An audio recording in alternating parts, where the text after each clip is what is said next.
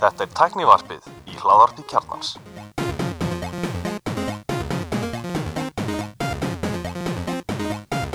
komið sæl og blessuð og verið velkomin í tæknivarpið ég er Alli Stefan og með mér í dag er Bjarni Ben, velkomin og við erum með góðan gest í dag heldur betur Ólafur Hrafn Steinarsson Já, góðan daginn. velkomin, Þú ert titlaður Formaður Rafíþróttasamtaka Íslands. nákvæmlega Rísi.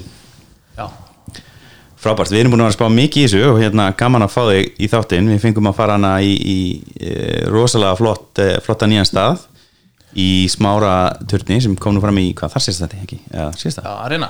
Já, arena. fengum að skoða hann áðan að opna uh, Daniel vinnur okkar síndi, okkar hann inn og hérna, það er greinlegt að það er fólk er að setja pening í þetta og, og það er eitthvað að breytast Allan daginn. Eh, Það er náttúrulega bara fáralegt hvað við erum búin að taka stórt stökk upp á við í Rafíþróttum á stuttum tíma. Eh, Við vorum að tala um þetta en aðeins áður en við fórum að taka upp. Það er hvað, minna en þrjú ár, þetta var í november, eh, desember 2018 sem við höldum kynningarfund og kynnum sko hugtækið rafíþróttir í rauninni í fyrsta skipti. Og, og núna erum við hvað, við erum þrem, rétt hæpum þrem árum setna sko og, og það eru hvað, þrýr stærstu rafíþróttaviðbyrjur heims búin að koma hérna, það er komin sjónvarstöð, það er komin 200 miljón krónar þjóðarleikongur, það eru 1500 ytkendur út um allan, 2500 keppendur. eh, yfir 1% af þjóðinni sem er byrjað að hérna, eiga snertiflöt við rafíþróttir. 2000 manna sem að fylgjast með núna íslensku efni í kringum rafíþróttir og töluleiki en ekki lengur bara ennsku efni á, á, á stötu e-sports og, og, og víðar. Þannig að já, ég bara get ekki verið annað heldur en sáttur sko. Já, þetta er frábæra árangur, gaman að sjá. En við ætlum að uh, kynna hérna kostanda þáttanins uh, Við erum með tvo kostendur, en byrjum að við fyrir það er Brugstofan og Honky Tonk Barbecue Þetta er sem sagt hérna uh, nýr veitikastar uh, sem tekur yfir 100 manns og er staðsettur á Snorrabrið 56 í Reykjavík. Þar var áður Roadhouse um, og þeir sagt tókur í mið stutt eftir að Roadhouse hætti og, og breyttu í talsvert, tóku hérna ofan á barnum, opnuðu barinn miklu meira, það var svona lokar upp í topp og breyttu að veitingasalnum og, og þarna e, sagt, er opið frá tvö dag, nema á föstum, það er í hátinu og um helgar er opið aðeins lengur til held ég eitt um nótuna, þegar það, það má loksins. Og það er, þarna er hægt að fá reyktan grillmatt og fersléttul staðurinn er með tvo reykofna uh, og þau reykja sin ein mat þannig á stanum og við fengum að smaka djúbstekt rif uh, og ég fekk með gríssamlöku sem var bara mjög fínt, svona pulled pork eða rifin, rifin grís. Og hérna mælum því. Uh, og svo er auðvitað bara uh, er sérst brugstofan sjálf hún er náttúrulega með rosalega flott uh, úrval af ferskum drikkjum Þetta er mjög næst staðar við hérna, einmitt eins og segja, við kíktum um daginn og, og hérna þess að tala um þá er hérna, þetta er mjög svona þægilegt líka bara vinnur í mig yfir daginn ef fólk kýrst það að hérna, kannski setjast niður og fá sér einn og, og hérna, og klára daginn þar? Já, það er góð mynd Prófa það næst. Já, og svo er líka hérna, eins og rýmið er, þú veist, þú kemur hérna inn og það eru svona bekkir að sæti þar og svo þeir sem að kannist við rótast, það var hérna svona aðeins innar, það er svona salur. Og hérna, þannig að það verður sniðut ef þeir eh, halda viðbyrja eitthvað slíkt að, að hérna, tjekka því hvort það sé ekki hægt. Já, hann myndist að hann, hann Siggi Snorra Vertin eh, og einn einn þar Erfaka Brewing. eh, að eh, það myndi vera sett upp svona tjald þannig að innrarýmið það er raun hægt að loka því fyrir viðbyrði Akkurat, og hérna og það er, og það er, já, það er raun hægt að vera með svona tvo stað, staðafíling í gangi sko, það er svo ávist að vera DJ frammi hjá barnum. Já, ég veit að Siggi var DJ eitthvað þannig að það var að opna. Já, ok. Þannig að, að það geti verið að við kannski fáum að spila einhvern tímann. Já, geðvitt það var ekki ekki tökum back to back. Já, til í það, Sverri líka með, ekki? Já, líka. Sverri er náttúrulega besti DJ-n í hópnum Já, sko. það er rétt, það er rétt. Svo er líka fullt af bílastæðum og þetta er ekki alveg onni í bænum þannig að þetta henda líka til þess að bara byrja kvöldið þú veist, Algjörlega. Og hérna Já, mér líst vel á hann stað. Já, en nú komum við að íslenskum fréttum. Það er hérna e, stórfréttið á krónunni. E, þau voru að prófa e, nýjan fítus skannað og skundað. Akkurat. Sem var í rauninni, hann er ekki byrjaður. Þeir voru með svona opið beta ef maður getur kallað þetta beta. Og þarna var sérst hægt að mæta í lindir, krónu lindir og á milli hvað 16 og 19 þá máttur þessi sett Nei, þetta var eitthvað um daginn held ég. Þetta var milli 1 og 4 eitthvað svo leiðis Þau eru búin að opna þetta alveg.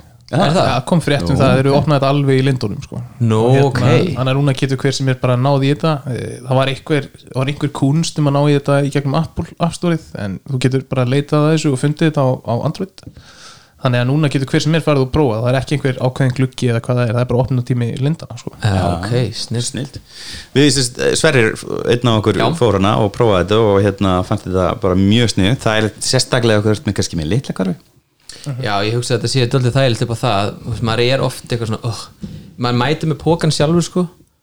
Og þú veist, ég nenni ekki að vera að taka einhverju körfu fara svo einhverju röð að því ég er ná í tvo hluti eða eitthvað. Þá er þetta fínt að geta bara tekið pókan skannað, beintur í pókan og svo bara út. Líður þér ekki, þegar þú ert með pókan með þér, ef þú setur vörurnar í pókan inn í búðin, líður þér ekki eins og, eins og allir sé að horfa á því eins og þú setur að fara að ræna einhverju? Ég, ég álega sko, ég álega virkilega erfitt með mig líka svona með sjálfsakvæslu kassana og svona, þú veist, Já. alltaf því ég er að lappa út þá er ég alltaf bara svona, ég lofa ég svindlaði ekki á ykkur. Svona, mér langar bara svona öskrað á leiðin út sko, því mér finnst alltaf eins og sé verið að dæma mig sko. Ég spái hvernig það verður með þetta hvort að manni líður svo glæpa manni Já, Íslandikar eru náttúrulega mjög afslappa eitthvað var þetta, veist, ég var var það þetta veist, ég er uh, hjólaði vinnu í þrjú ár og ég var alltaf með bakboka hvert sem ég fór veist, þegar ég labbaði inn í alla veslanir veist, ef ég var að gera þetta ellendis í Stórborg þá væri alltaf bara, má ég sjá hann í veist, Já, já, einmitt. Ef þú ert ekki með veist, official hérna H&M boka í labband út úr H&M með eitthvað annað en, en það, þá bara vilja ég skoða og nú hjá þér sko. Já, já, en við hefum alltaf verið eitthvað afslapið þannig að ég hef ekki fyndið fyrir þessum trýsting ég er kannski eins og tvisa lendi í inn á Íslandi eitthvað svona, þú veist, getur skilja hann eftir hérna við enganginn með ferðinu, þú veist? Já, já, þú veist, ég ætla að passa hann fyrir mig. Já, ok. Ég meina ég hef ekkert fyrir mér í þessu. Ég veit ekki af hverju ég lendi í þessu. Ég bara, ég, ég bara ef einhver horfir á mig þegar ég er að labba kassanum sko, þá, þá fer ég bara í köku sko. já, skemmtilegt. Já, ég held að þú getur aðslega hérna, það er nú verið að byggja upp tröst og svona og það er, en það er ennþá, hann sagðist að lendi í svona spot checki. Já, ég held að það væri alltaf þannig að það væri starfsmaður sem tjekkar þegar þú lappar út já, sko já, ég hef ekki ég er kannski einu svona, ég, nei, ég hef aldrei lent í neinum nema bara þegar að, það fer eitthvað í rugl í þingdinni, þingdin var ekki skráð verðuna sem ég var að skanna inn og svona og þá, jú, og ég kannski tvís að lendi þau, þau kom einhver og telli, veist, veist hvað ég var með, en oftast er manni bara treyst, það er náttúrulega eiginlega enginn að reyna svindla. Nei, mitt veist, ég eitthvað, og ég hef sjálfur gert veist, og, og var bara haldið að ég væri búin að skanna og setja eitthvað onni Mhm. og hérna og, og það var bara ekki óvilandi ég að sé mjög fáir en þau eru búin að reikna þetta út. Þessi, þessi rýrnun er í rauninni svo rosalega vinnusparandi að, að þetta er þessi virði að fæka stöðugetunum Já, ok. Þetta er bara, þau eru bara búin að reikna út og búin að ákvæða sig. Fjóruða innbyltingin Sjálfvirkni vaðing já, ég lendi einu sinni stóð í ströngu við að samfara starfsmann bónus um það að ég hefði vissulega komið með þennan póka með mér sem að ég var að setja í. Okay. því að við, við höfum glimt að taka sko stríkaverkið af honum ah, um, en hérna, en þú veist hann var, hann var allur saman krumpaður og ókistlegur og eitthvað svona. Og svo við hliðin á okkur var svona rosalega fallegu bunki af, af klænjum bónusbókum. Og, og það tók alveg sko, tók alveg tíu mínútur eða eitthvað að samfara mannin um það að við höfum komið með hennan póka sko. Vá, ég var aldrei þessi Nei, þú veist, ok, ég bara ég hef ekki vestlað við bónus síðan ef ég áður alveg reynst Vá, sko. ég, veist, ok. ég meina, þetta fyrir mér var bara, var bara mjög mikið brota á mínu trösti bara sem viðskiptaðinu sko. Þetta, þetta fór, fór mjög illa ofan í mig sko. þannig að hérna lifehack, mæta með krónupoka í bónus Já, það er, þannig ertu komin með þetta sko. alltaf komið öfugt þá pöngast engin í þig sko. já Já, góð hugmynd En Þetta er auðvitað svona kannski, já, þetta er næsta skref og, og hérna stendur inn í fyrirsögninni hjá okkur e, í snjallvæðingu og hérna Amazon er þekkt fyrir hvað, þetta er ekki Amazon Amazon, Go. Go, já, það sem, uh, sem er komið lengri en þetta, það sem það eru, það eru myndavælar allstaðar inn í búðinni og þú má bara taka úr hillinni og beint hún í körfu og svo bara, þú veist, lappa þú út eftir, eftir þú setur þetta póka og skannar þetta inn staðar inn.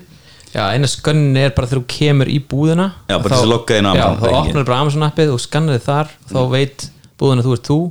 Og svo lappar bara inn og myndarar fylgjast með því hvað þú tekur og, og svo lappar bara út og það er bara að tekja reyningum Já, það væri gaman að sjá hérna, íslenska veslanir farið þetta einhvern tímann þegar þetta verður hérna, málið. En hvað, það, þessar Amazon Go veslanir er það ennþá í góðu geimi að núti Já, er, þetta byrjaði held ég fyrst að vera í Seattle var það ekki? Mhm. og svo er þetta bara að vera rúlega út svona hægt og bítandi. Og þetta er náttúrulega þetta er ekki stórar verslun, þetta er svona corner shops skilt mér, þetta er svona litlar. já, þú veist það sem er þetta þú veist, uh, ég held að sé meira með á svona hátteginu þú veist að fólk er að fara að sækja sér vatn og samloku og, Já. og þú veist og ekki þú veist, stórin kaup já, hoppa kannski út í garð og fá sér hátismandi Já. Svo ég er að spá, veitum við eitthvað hvað áhrif þetta hefur á, þú veist, kauphegðun ég meina núna eru, þú veist, svona stórmarkaðir og annað, þú veist, þetta er ja, vel hannað til þess að kreista út úr þér allt sem að mögulega hægt er, skilur þú veist, þú lappar inn, átt að lappa inn í brauðdildina þú átt að fá fersk, ferskan brauðilm og svo átt að lappa í græmitistildina og mjólkina að vera alveg aftast í búðinni til þess að þú þurfur að lappa fram hjá öllum vörunum þú veist, eins og hann að Haggus Marlind, oh my god. Já, ég meina, hvernig, hvernig, hvað áhrif er þetta að hafa þetta? Þú veist, er þetta að breyta leiknum þegar kemur að þessu og megum við búast við einhverjum breytingum með það, hvernig, hvernig okkur verið seldir hlutir sko inn í búðunum, þú veist? Já, ég manni sko lofa því, fyrir ekki hvernig að það verður minna mann, þú veist, minna starfsfólki inn í búðinu að gera eitthvað fyrir þig. Já, já, alveg potið sko. En það sem ég ætla að segja var þegar ég var að læra sálfræði á sínum tíma að þá fór ég í set, kursumyndir neytindasálfræði og þá var að tala um það að ástæðan fyrir namminu að það sé á kassanum þetta er, þú veist, velun fyrir þig. Þú veist, þú ert búin að fara í gegnum listaðin Já. og það var eitt, það var með lista þá, hérna, uh, þá kaupir meira Nei, sorry, nei. nei, það var öfugt, já, Já, já, já. ef þú ert ekki með lista þá kaupir meira. Já, muni það verið þannig. Og svo kemur þau og þú veist, þú hérna, ert komin á kassan þú setur eitthvað nammi að því að þú veist, þú, þú ert að velina þig fyrir ferðina. Mm. mér finnst krónan hafa einhvern veginn verið svona að fara á móti þessu. Þú veist, með hérna, það er ekki nammi á kassanum það er þú veist, netur og, og svona dót sko. -hmm. og þetta er líka mjög gott fyrir hérna, fólk með börn að þau sé ekki að væla yfir einhverju þú veist, þeir koma á það kassan er, og mér finnst þetta einmitt orðið svolítið þreytt í dag, þú veist, börnin alltaf tjúnast upp þegar þau sjá þessar umbúður með naminu þú veist, takk þetta bara af fælskassan og Konstantin á sko uppáhalds topiki mitt úr sálfræðinni sko, sem er akkurat þetta sem John B. Watson gerði á sínum tíma sko, Já, já, hann rökklaðist frá akademíunni og fór yfir í bjótila sem heitir auglýsingasálfræði. Nákvæmlega. Það eru tveir hluti sem standa uppi hjá mér frá honum sem er annars vegar þetta nammi á við kassan og hins vegar það að hann endur skýrði sko pásur, coffee breaks þannig að veist, hann markaðsetti sem sko kaffipásur.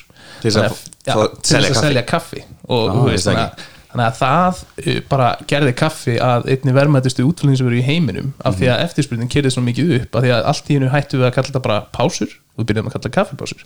Þetta er ógslag áhugaður tímabil svona 50s í bandrækjunum með hérna svona neytindasálfræði og þú veist hvernig hérna Betty Crocker var vinsælt og fáránlega og allt þetta dót sko. það er geggjað sko. Eigum við kannski að taka núna kannski þessa innbyltingar umræðu hérna, kannski gott að viðra aðeins og, og hérna, hendina síðan aftur og, nýju ruslið. En sagt, það eru margir sem eru mörg sem eru mjög hrættum að þetta sé að fara að taka eh, fækastörum í samfélaginu. Uh, og ég segi við þetta fólk veist, það er nú betra að losa þetta fólk og setja því störu sem actually skipta máli sem er ekki að- skannin vörur á kassa, vildu bara búa til ný störf eins og að búa til upp til þess að geta gert þetta eða tækni eða myndal til þess að geta gert þetta algjörlega þú veist, hérna snertilust og hérna ég er miklu frekar búa það til og ná framlegin í sam, samfélaginu og losa fólk úr því að vera að hérna, hjálpa þær að, að borga fyrir vöru. Algjörlega. Ég meina, mér finnst það mjög töff að segja það um, ég held að raunveruleikin samt sá að hérna, þú veist ekki að fara að bara færa kassastarsmann og bónus inn í hérna, eitthvað hátækni fyrirtæki í fórhundunastöðu sko. það, það þarf að vera eitthvað veist, við þurfum að grípa inn í á einhvern hátt og, og styðja þetta fólk við það að komast inn á sagt, þessi hálunu störf og störf með hái framlegð og, og annað fyrir Íslands samfélag sko. og það, það er þetta workers mobility sem er rauninni bara áþreifanleg hérna, mæleining sem er hægt að stuðla að og, og yfirvöld hafa mjög mikið þátt í því og hversu auðvilt er að fara mellir vinna þú veist, og það, það er svona, við erum alveg ágætt í því á Íslandi. Og þetta er náttúrulega fjórða yfirbyltingin þetta er ekki fyrsta Það er og rétt. það voru sömu rættir sem heyrðust þarna á þessum tíma. Og á, á þessum tíma sem yfirbyltingin hefur orðið hefur, fóru við úr hvað einum og halvu milljardi manna og upp í sjö. Og bara með því að nýta okkur tækni og yfirbyltingar náðum við að fæða allt þetta fólk. Það er út af tækni og inn, innaði sem við náðum að fæða fólk veist, og tæknin hún kemur áfram hún kemur ekki ak- afturbak Þú veist, ég, er bara, bara hrættur ég er bara hrættur um það að við búum núna í samfélagi þar sem að tækninni flegir svo rosalega hrætt fram að stjórnvöld hafa bara ekki undan að halda í við tækniþróanir skilur við, þú veist, ef við, ef við hugsun bara Airbnb skilur við, ég meina Airbnb var hérna í fullu gangi á Íslandi einhver þrjú ára áður en á komin einhver rammi í kringum þetta. Og allan þann tíma þá voru allir sem voru að stunda Airbnb bara 50-50 glæpamenn skilur við, þú veist, það var bara svona er ég að fara að tekin eða ekki? Þú veist, en, en á ég að sleppa þessu hérna frábæra tækifæri sem var komið hérna fyrir fram að mig þú veist, eh, og maður hefur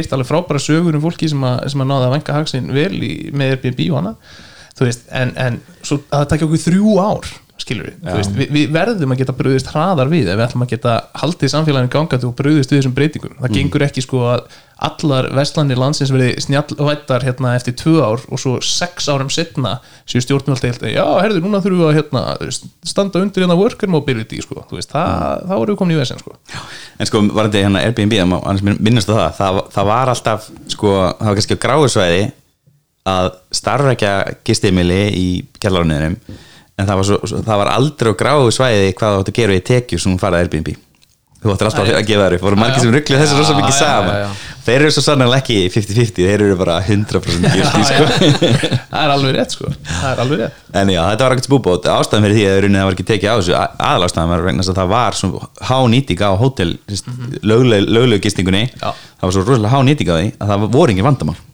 Og strax í rauninni og eftirspyrninleikar sem er hérna þegar að vá fellur þá er rauninni þú veist, er, veist, og er að falla veist, þá er bara hert Þá sildarólin já, það er allir hérna all, all hótelin okkar tóm all heimahús full. En ég held að strax og, og við komumst yfir COVID þá verði allt, þessi bæði tvent hérna Airbnb og, og, og hérna hótelrýmin full.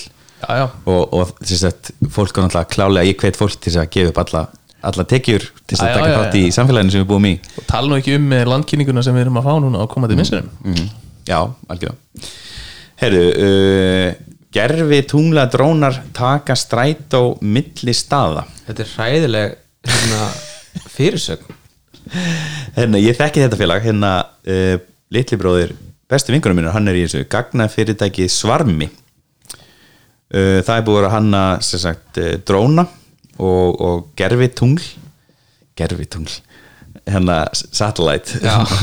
Finnst það svo eitthvað svo archaic orð eitthvað svona fylgi Já, fylgi, er alltaf í raun og veru betra sko satellite eh, á líka við um, um Mhm. tungl til dæmis, svona satellite moons. Það er bara fylgi þannig að og uh, núna er sérst vera að uh, hvað séru, afla gagna uh, talalala, já þeir setja að sapna gögnum með svona ymsu móti það er að þeir nota hérna drónana til þess að skanna sem sagt, uh, topology eða kort, búti kort. Já, mér skilst skil það.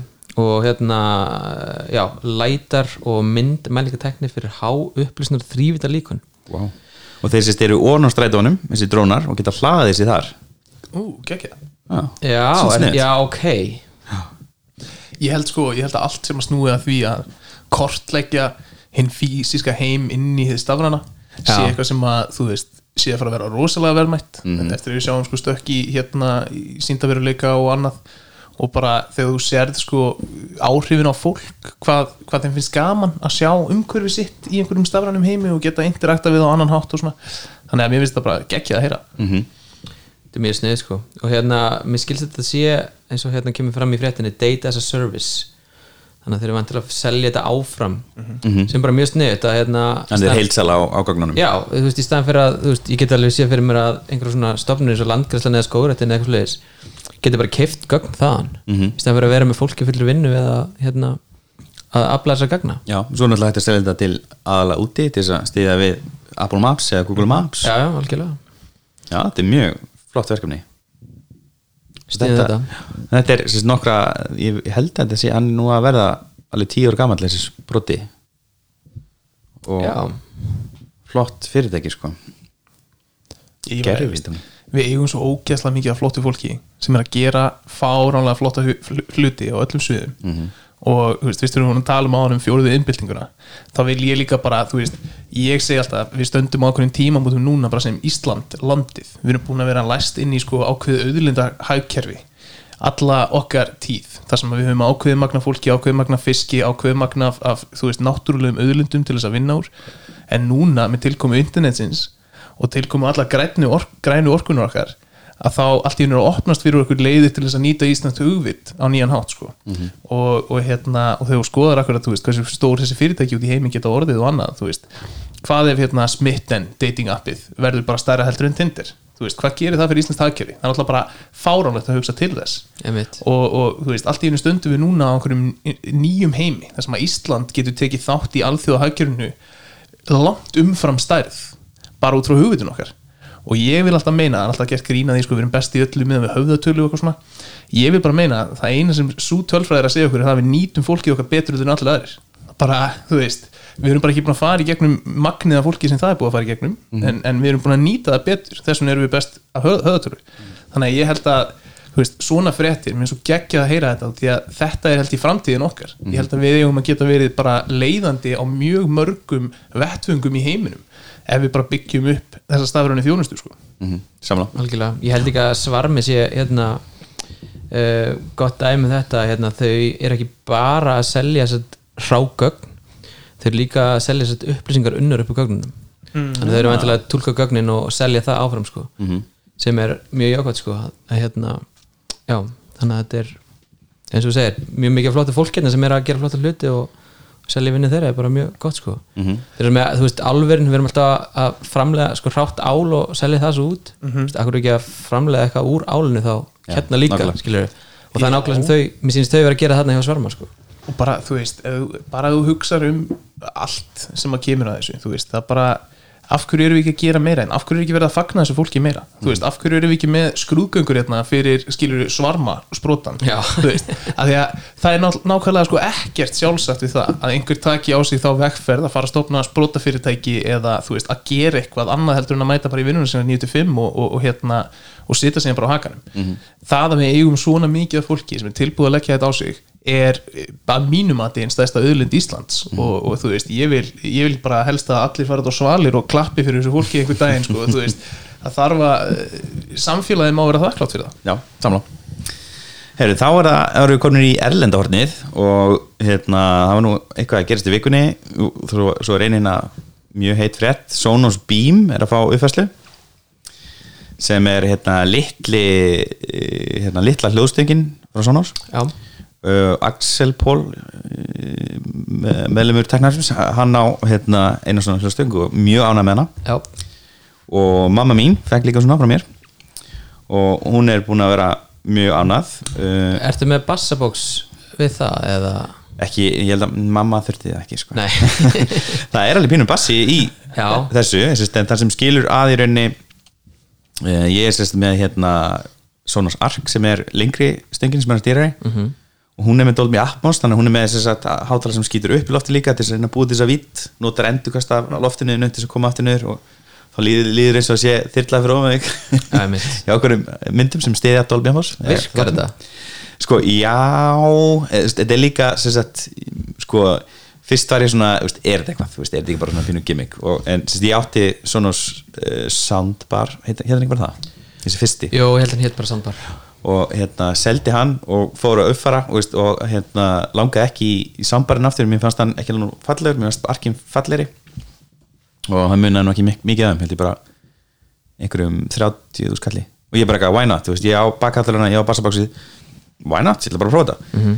Og hérna og ég, sko það var ótrúlega lengir en að koma sér í gang. Það var alveg pínum vesen að fá þess að virka. Þú veist, ég þurfti rétt haldið í misnúru og bla bla bla, bla.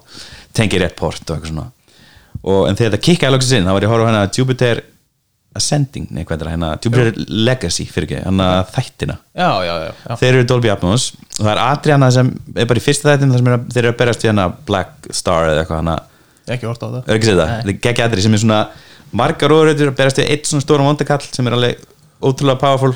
Og það er svona verið að veist, fara í kringum hann allan. Þannig að veist, þú heyrir þetta alveg upp og nýri og þú veist, svo kemur Já, ykkur órætti ok. ofan og þegar þetta kikka inn það væri bara eitthvað, ok, þetta er geggja svo er annað sem hérna fekk mér líka til þess að fylgda er, er hérna Apple Music eh, lonsaði hana Lossless eh, hérna tónlistarsafni. Eh, og nú tekja bara gaugulega fyrir það, bara inn í pakkanum. Og ég verið mitt búin að prófa Apple Music því ég er með Apple Watch hérna LTE ég er bara, "Ú, ég vil ekki neitt mjög sjaldan. Spotify líka komið með offline playlista loksins og streaming, þannig að þú getur núna streymt og offline að- með. Spotify en mér langar bara að prófa þetta og ég, ég, ég var enda með þetta og svo kom hann að fekk ég þetta, þetta hátalakerfi og hérna prófaði e, sagt, e, playlistan frá Apple e, sem er remasteraður og þetta geggjað. Þannig ég mælu með þessu. En Sonos Beam er að fá e, stækkun, hann er að fá stærri hátalara Já, Eh, stiður Atmos. Já, hann styrir Atmos núna. Já, skrítið hérna ég er að fara hérna aðeins yfir Verge Reviewið og það er hérna The Good Stuff. Wider More Expensive Sound ok, og það Já, er og samt Já, the speaker drivers inside the unit are completely unchanged.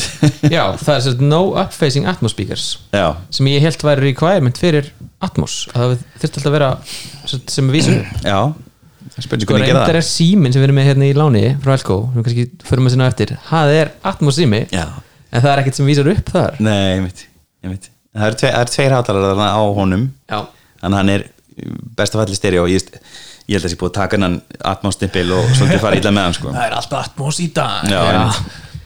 Ég veit ekki ég, uh, Sko það er hægt að gera ímislegt með hana heyrnatólum þau eru alltaf bara fast á þér. Það er hægt að gera ímislegt með dræfara sem eru stórir eins og til dæmis á Airpods Max veist, þá var ég að upplega svipu gæði svona spasilóti og gæði og ég var að upplega á atmoskerfinu mínu sem er með tvo hátalara á bassbox og upright speakers og, það, og það er hægt að gera rosa mikið í software til þess að reyna að feika að það sé eitthvað að gerist fyrir já, já. þannig að veist, ég veit ekki hvort að sími sími náttúrulega er oftast væri oftast á sama stað og ef hann veit að hann er í landskeip eða portrait þá kannski nær hann að búa til eitthvað svona smá magic ég meina iPhone-un hefur líka verið með Dolby Atmos mjög lengi sko. Já, já. en veist, þetta er náttúrulega ekki sami hluturinn að vera með tvekja hátalara Dolby Atmos og síma og svo margra hátalara Nei, nei. Ég kefti hérna á hérna Black Friday fyrra ég held að reynda að hafa ekkert verið neitt Friday tilbúð en hérna, ég held uh, að því ég var nýkomið PlayStation 5 þá kefti ég nýtt sjónvarp og þá verður maður að fá sér nýtt hérna, hljóðkjöru með og svona. Og ég var að spá í að kaupa já, og ég var að spá í að kaupa eitthvað svona low-end Atmos einhverja LG hljóðstöng. Já. og hérna, ég man ekki hvað hann átt að kosta hvort hann kostaði venlega 70 skall en var á 30 skall eða, eða, þetta var eitthvað það það mikið Nei, og hérna, því mér vantar bara eitthvað hljóð með sjónvarpinu, því ég var ekki að fara að hlusta á sjónvarsáttalarna og þá hérna sagði Sölumærin bara, þú veist, kifti frekar bara eitthvað, þú veist, 5,1 soundbar sem að bara hljóma miklu betur. Já, Þú veist, ekki einmitt. elda atmosið. Einmitt. og ég gerði það. Ég, ég s- bara samla því sko. En sérst, The Verge var að taka hérna hann Sonos Beam Gen 2 í, í review og hann sérst er með wider more expensive sound sem er þá bara líklega gert bara með hugbúnaði. Já. og svo erum við með hann að HTMI e-arc uh, sem er þessi nýja þetta nýja tengi. Já, og, og hérna svo er aðeins þessi hérna sleeker design þannig að það er greinlega bóksunur hans breytt. Og þeim það vantar þessa u- up-facing atmosfíkara og by the way, sagt, ég stúdiraði appan svona daginn. Og það eiga sko að vera tveir fyrir fram að, þegar þú gerir þetta vanlega þá er bara hátalir settur upp í loftið. Já. eins og í bíóhúsi svona. Já, já, og það eru sagt, tveir fyrir fram að og tveir fyrir aftan þig. Þannig að það, það er sem sagt, kassi í kringum þig. Mm. og, og Atmos er rauninni software þetta er ekki analog, þetta er algjörlega digital og software based Atmos. Og þetta er object based sem er aðeins öðru sér heldur en hefur verið. Þannig að þess vegna geta, geta þessi fjóri hátalar í kringum þig, þeir geta búið til alls konar hljóð fyrir ofan þig veist, og veist, þegar eitthvað færist yfir þig Mhm. því þú komið fjóra fyrir ofan þig þá er það hægt að láta að vera eins og að sé að farast yfir þig þegar þú ert komin að kassa. Þú getur náttúrulega ekki gert þetta með svona sark nei. En þetta er, þetta er samt miklu betra sound í einnig svona hljóstöng heldur en í nokkuð tímann í hátalara á sjónvambi þannig að ég mæla alveg með þessum svona spím hann er mjög aðgengileg til þess að fara fl- fljótt upp í mjög gott sound. Og ef þú vill líka spila tónlist þá er það annars bara no-brainer. Svona er náttúrulega bara eh, líklega eitt besta svona eh, home theater slash home audio búnað sem við getum fengið. Mm -hmm. gera bæ. Finnst líka bara mjög áhugavert, þú veist, ef þú ert að skoða flatskjána og, eða sjónvarpin og þú veist að kaupa þér, þú veist, ótýrar í gerða sjónvarpinu þá ertu alveg stundum að fá skilur bara pan, sama panel og er í einhverju öðru sjónvarpi en, en það er alltaf hljóðið. Já, skilur, það er alltaf og ramminn hljóðið kannski. og, og rammin sem að verður eitthvað svona degraded. Mhm. en þarna, þú veist, með því að fjárfesta í góðum soundbar þá getur þú kiptir ótýrar sjónvarp. Já. þú veist, það er bara þannig. Frábært, ég laka til að fá hann. Hann verður örugglega mjög vinsæll þegar hann kemur og hérna á Íslandi. Og hann ætti nú að koma í Vestlunni vonbráðar heyrðu, það er Ha- Amazon næst. Já, það var hérna velbúnaðarkynning hardwarekynning eh, sem er núna alltaf eða ekki hver einstu hausti. Jó, mér skilst það. Við fjöllum um því fyrra og þá var hann að þessi öryggistróni hann að sem, sem lítill fljúandi dróni sem liggur á skrifbrunni hér Innan úr stróni og fer svo að teka svona vaktir svona, það minnum mér svolítið á henn að selda hana í Breath of the Wild sem er alltaf að vakta hana kastalana og eitthvað svona. Og núna hvað hva stóð upp úr? Ég, var, var það Mika Moose uh, Echo Show? Nei, ég held að það sem hafi staðið upp úr var hérna Astro sem er svona nýr home robot. Já, og þetta er eins og þetta sé hérna, þetta er nú ekki rosalega líkt hérna Echo skjánum, þetta er meira eins og hérna Facebook hérna, hvað heit það aftur? já, portal. Já, Portal, Hey, ágrunn þetta minnir mig á? Þetta minnir mig líka á hérna Apple Trackpad, mannskip Trackpad fyrsta Já, já, Þú veist, þegar með A-batterjónum í hjö, svona Einmitt. lömum eða, veist. já, já. En þetta er, satt, já, þetta er svona home robot sem er svona uh, sem getur hjálpað til við home security monitoring eins og við tala um hérna. Já, Og það en með myndavæl og, og Já, og tíu tómu snertiskjár. Já, og það er andlit á þessu. Ekkert grípi Ertu þú alltaf að poti í andlitið þegar þú nota snerti skjóða? Vá, fyndið, já En þeir náttúrulega, sko, þeir komist að því að það skiptir alveg rosalega miklu máli þú veist að búa til svona tækja, setja andlit á það það Já, var, hérna, var einhver hótelrobot einhver staðar sem var akkurat uh, með hérna herbyggistjónustun og allt það og, viðhorf gesta alveg bara, þú veist, snar batnaði um leiðu þau settu auga á hann, sko, Einmitt. bara, þeir ok. límdi bara svona googly eyes á hann, sko, Já. þá allt í henni voru allir bara tilbúnir að taka við matnum sínum frá þessu vélmenni en þangað til það voru allir bara uh, Ég fór á svona hótel í bandarækjunum við, glemdum að nota það Þú veist, Já, ok. við bara Hvernig gæti ég glemt þessu? En ok, þetta er þess að þúsund dólara uh, robot sem er á hjólum uh, Fílar örglega ekki þarf að skölda mm, En hérna Nei, ég menna að þessi lítið samt út fyrir að geta farið hérna meir en Rixur-robotar hann að þú ert með Rixur-robot Veistu hvað minn gerir daginn? Ég ekki að opna þess út þú veist, fram á gang í bíði fjörbili og hann bara reynda að sleppa ég bara reyki við hann sko. Svo er er hann hérna, oft búin að reyna að komast út á svalir þú veist, við mögum ekki hafa opið þar en ég er bara ég, ég er nýbúin að setja svona no-go. Uh, Ertu ekki búin að skanna herbyggið på nýtt? nei, nei Sko, ég er alveg nokkuð svona vissu stöng það að þetta vélmenni sem farið að hugsa fyrir sjálf sig, Já, sko. það er bara, þú ert með vísin að skæna þarna, Já. huðan að bænum ekki hleypa því út. Já, hann er bara ekki, ekki passa fleiri hunda Heru, hvað meira erum við með hana? Mm, Herri, það var hérna Echo Show 15 sem er 15 tómu smart display. Þetta er svona, svona rammafílingur já, þetta er þetta er alltaf svona, hérna Samsung The Frame. Feelingur í þessu einmitt, það er svona svartur rammi, ég veit ekki hvort það sé álrammi eins og er á mínu sjónabbi uh, og þetta er já, 15,6 tómi og myndin hérna sem er sínd er í portrétt útkvæð ekki í landskeip og þannig verðist vera myndavel eitthvað. Já, það er eitthvað svona hólpens hana já, mér finnst þetta ekki villust, þetta getur verið svona ég sé að hana á skjánum er sett hérna klukka, hittast í veðrið uh, eitthvað svona sticky notes uh, og það verið, ég hef mér sýnist þú geta að fara í eitthvað svona vídeosamtal getur notað þessum speil líka? Já, Já, ok. nákvæmlega. Já, Já, I like it. Já, með myndalinni, minnur já. Já. Og þið, þess að new chip A-Z2 chip Ok, en þeir farin að framlega sinni einn örgjör eins og Apple eða? Þau, ég, eftir, eftir framleiðslu fjaskoið á, á hérna, chipum í heiminum þá held ég að það sé alveg, alveg svirði fyrir þessi fyrirtæki að fara að skoða Já. sína eigin framleiðslu getu þegar kemur að þessu sko. Já. Líka það sem Apple er búið að gera er að veist, unifya svo mikið veist, þeir, það, þau eru að nota sama örgjörun í núna, hvað, veist, iPad hérna, mini og iPhone uh, 13 allir línu, það eru fjóri símar og hvað er með að, þú veist, svo er þetta eiginlega sami örgjör og M1 þú veist, svo er með M1 í MacBook Air, MacBook Pro, Mac Mini og núna iMac 24 tómi og iPad. Og iPad Pro 12 tómu, eða 12,9 tómu og, og, og 11 tóminni sem ég á.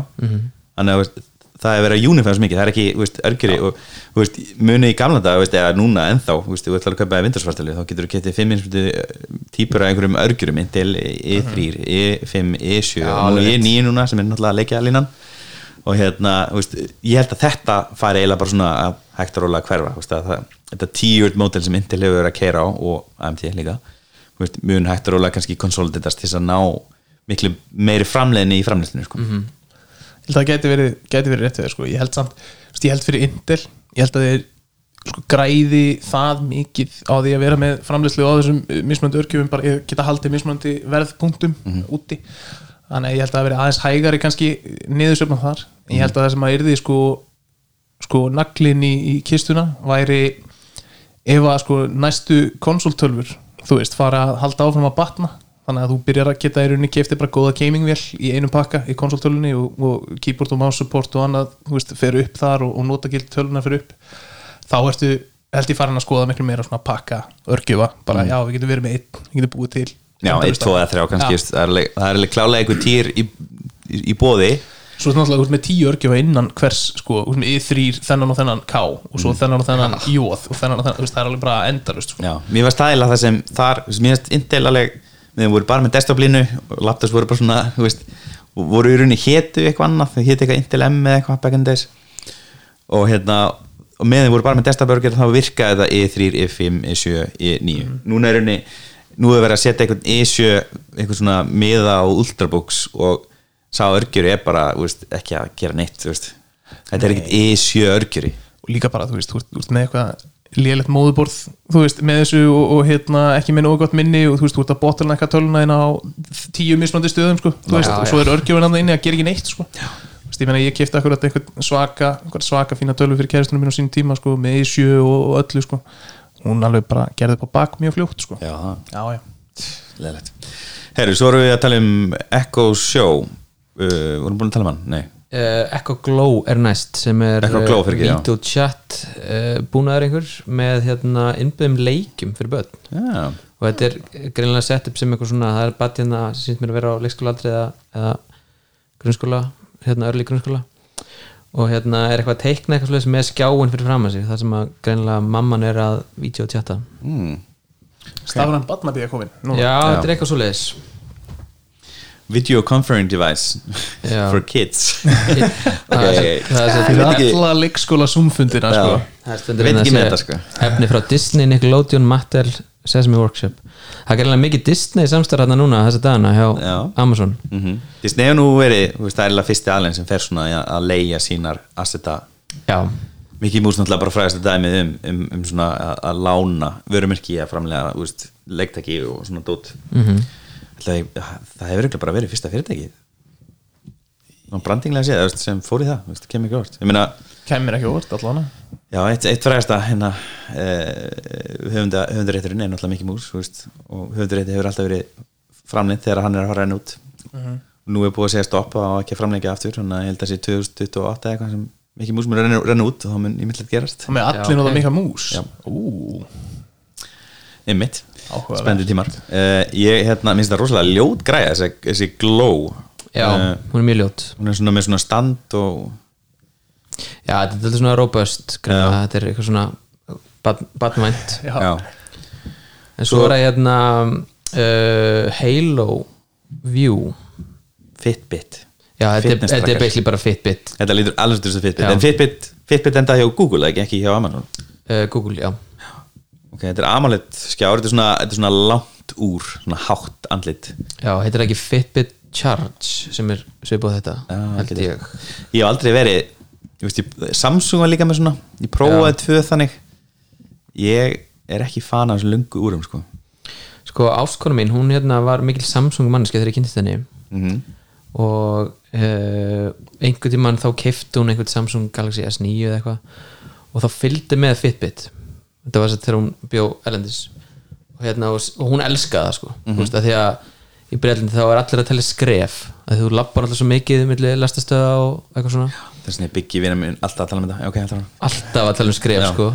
Og hérna, wow, það er sniðið, þú sé bara skrefin alltaf bara, þú veist, og hún var alltaf, sjá það er tíu skref, já, frábært og hérna, Ég mitt komst yfir þetta skrefa talningandæmi Þeir myndi var ég myndi að prófa eitthvað svona úr og fór að vaska upp og ég bara eitthvað, ok, þetta er kæft já, er þetta ekki bullshit? Kláraði skrefa skrefa mér bara með því að vaska upp, sko. Já, en hérna, já, já þannig að uh, þetta er mjög vinsalar vörur hérna í Bretlandi, sko, og þetta, þetta er doldi svona subsita þess að með því að böndlaða upp í einhver svona síma tilbúð, sko. En hérna, en já, já, þú veist, þetta er örgulega mjög snið, þetta Amazon hérna, uh, Halo, kostar 80 dollara og comes with a full year of Halo subscription? Já, ok, ok. Það útskýrur okkur þetta kostar bara 80 Einmitt. Já, ég fatta, ég fatta, ok. En skrítið að þetta sé ekki bara þetta sé Halo subscription, þetta sé ekki bara Amazon hérna, Prime subscription. Ég mitt Já, ég, value propositionu þannig aðeins vant upp á. En 80 dólarar fyrir svona úr er náttúrulega mikið. Ég held að átrist að Apple Watch sé á 160 Nei, Series 3 Nei, ja, var það svo mikið? Er það ekki 270 Er það kannski, já, er þessi minnin 160 Var ekki bara 130 eða eitthvað? Ég menna það ekki. Já, Það er enda mjög Það er enda mjög gott verð sko. Já, Mér finnst ég bara að vera að sjá þetta alltaf meira og meira Þú veist, við kerum út á einhverjum lágum verðpunkti og svo erum við með einhverja áskrift skilur, og þú veist, við erum að horfa á það að reyna að, ná, að halda þér í þessar áskrift og í þessari þjónustu og nota þess að vöru í tvö ár og, og svo ertu bara tjörnaður út og, og við spáum ekki í þér lengur og þú veist, ekki það að ég sé mikill aðdáðandi af þessu, þú veist, mér finnst þetta bara að vera akkurat ítir undir það að við séum að sóa endalust að dóti, sko.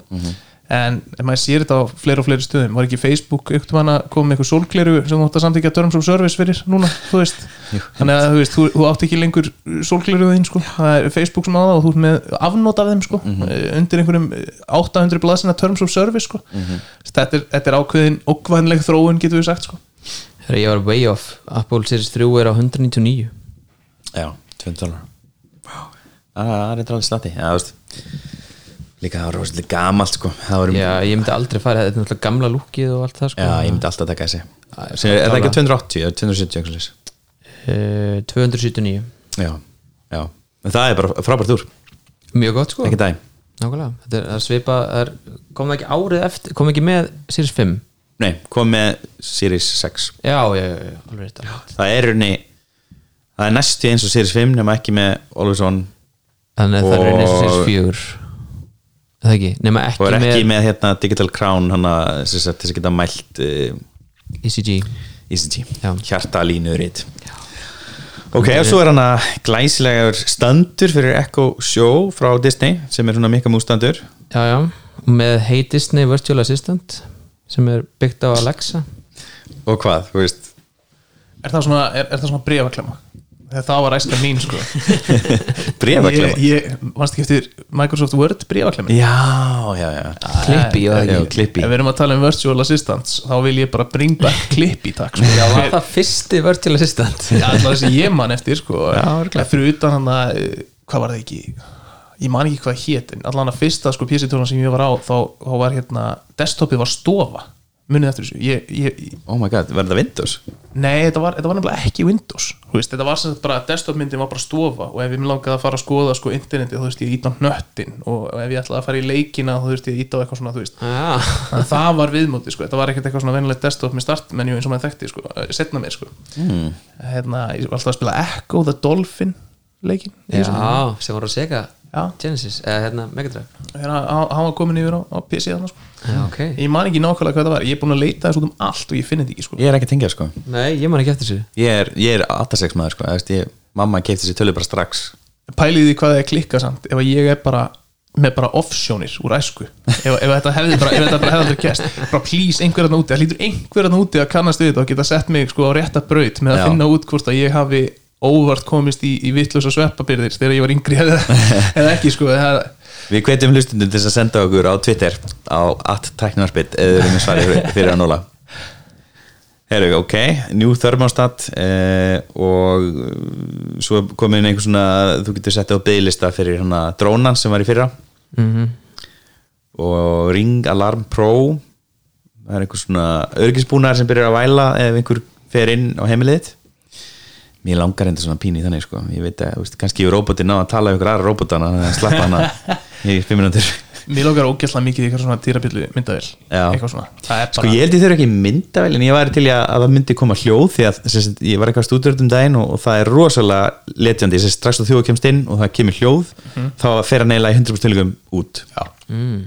og hérna og þannig að myndi við ekki alla nákvæmna og allt það, veist, og ef við, erum ekki, ef við erum ekki heima og okkur, svo sem og, og hérna, því að myndavelin eru oft sko, þær, þær eru mjög góð til terrant en ef þú setur að þig lambúsettu, Já, já. þá ert það búin að núla hann út Já.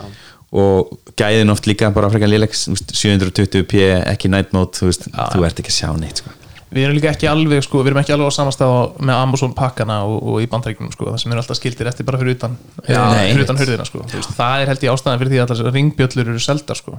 Já. svo er alveg ótrúlega mikið þöfnaður í kringum þetta sko. já, já, já. Það við sé hérna YouTube-görinn sem er verkfræðingur og hérna, Já, hann fyrir um NASA. hann er æðislegur.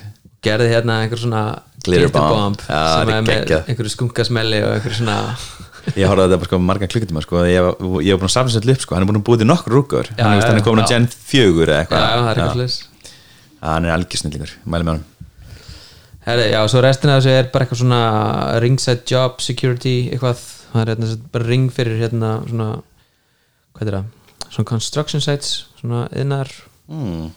svæði.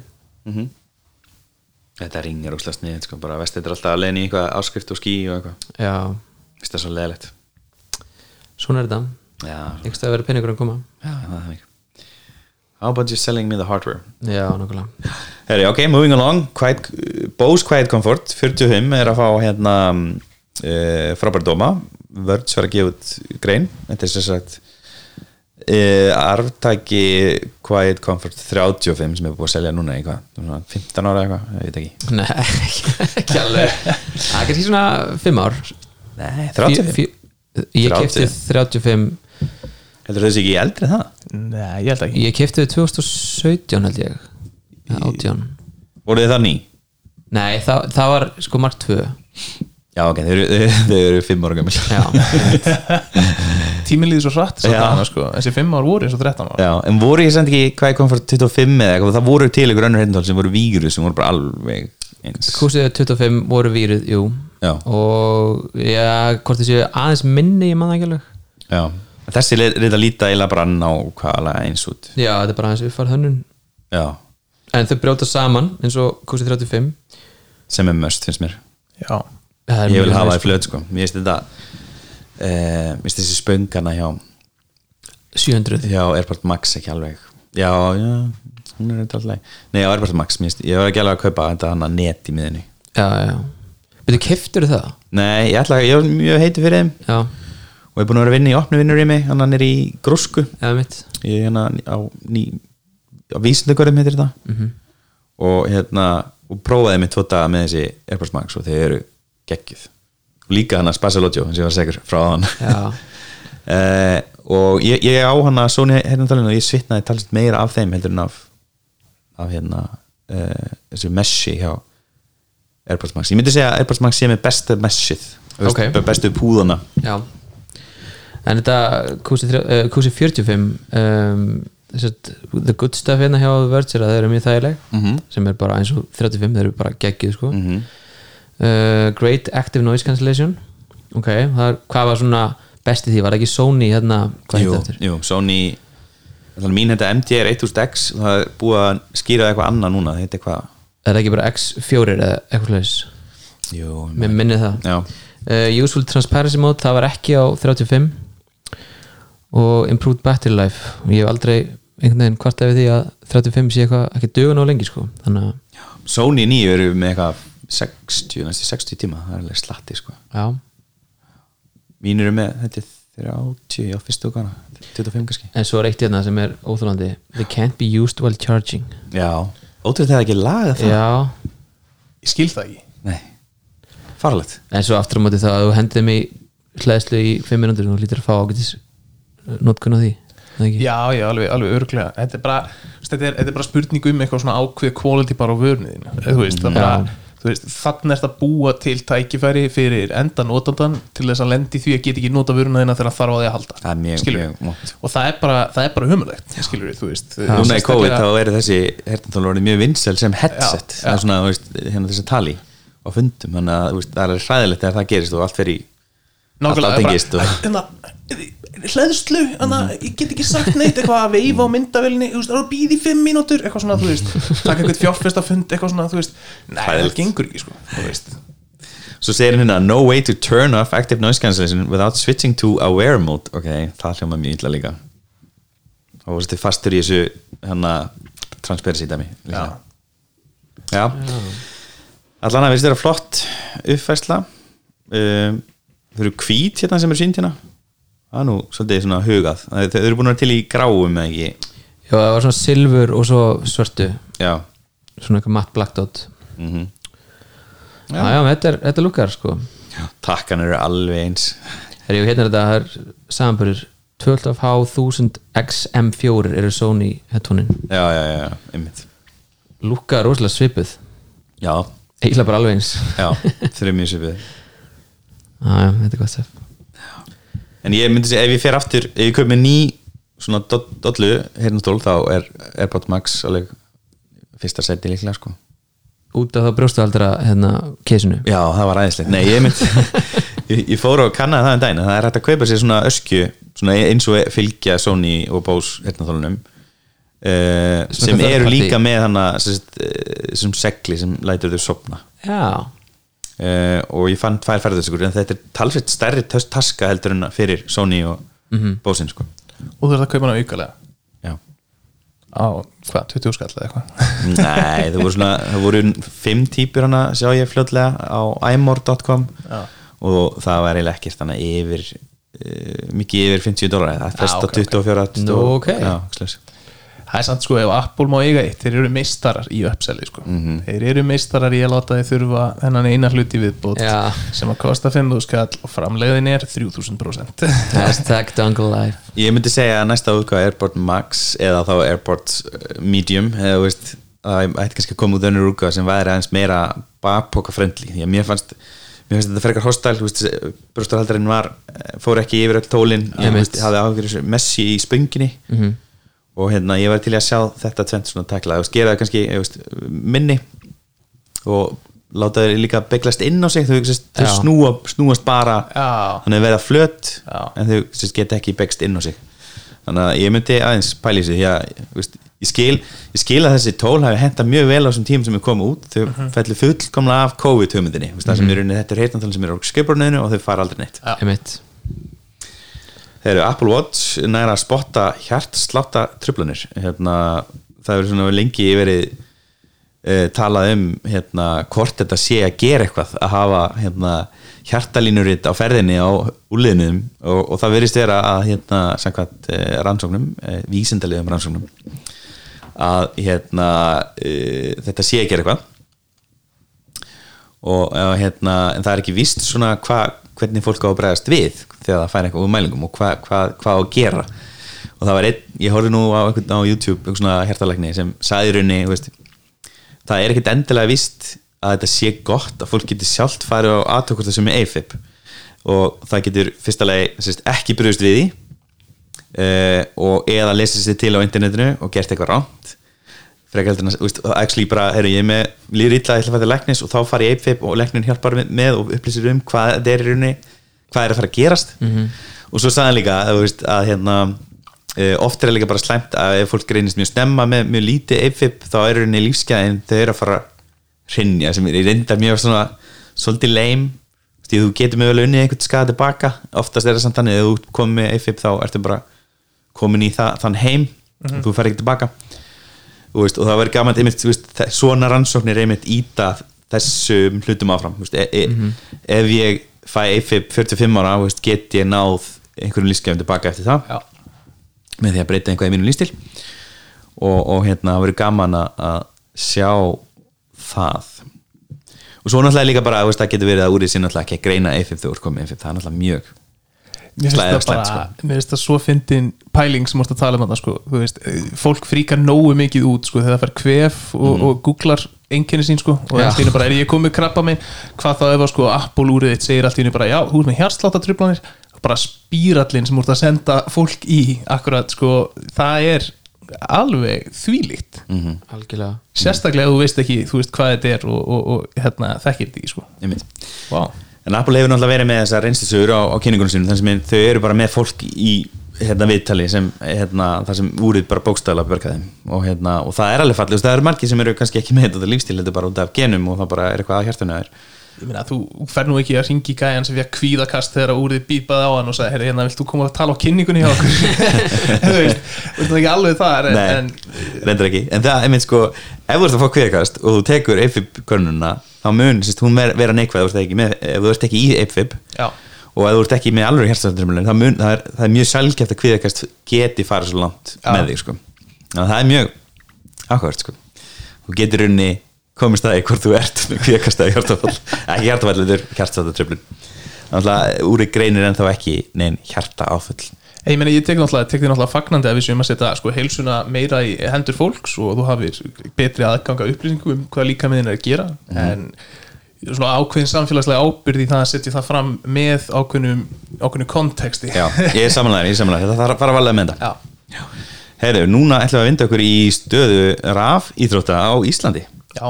ætlaðu að sleppa hérna USB-C á iPhones Já, er? Já, en bara, ég skal bara taka Já, þannig að enn önnur frétt. Já.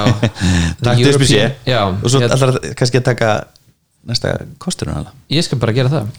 Sko, hérna já, nú er hérna uh, tillega frá hérna, er þetta ekki tillega er það ekki?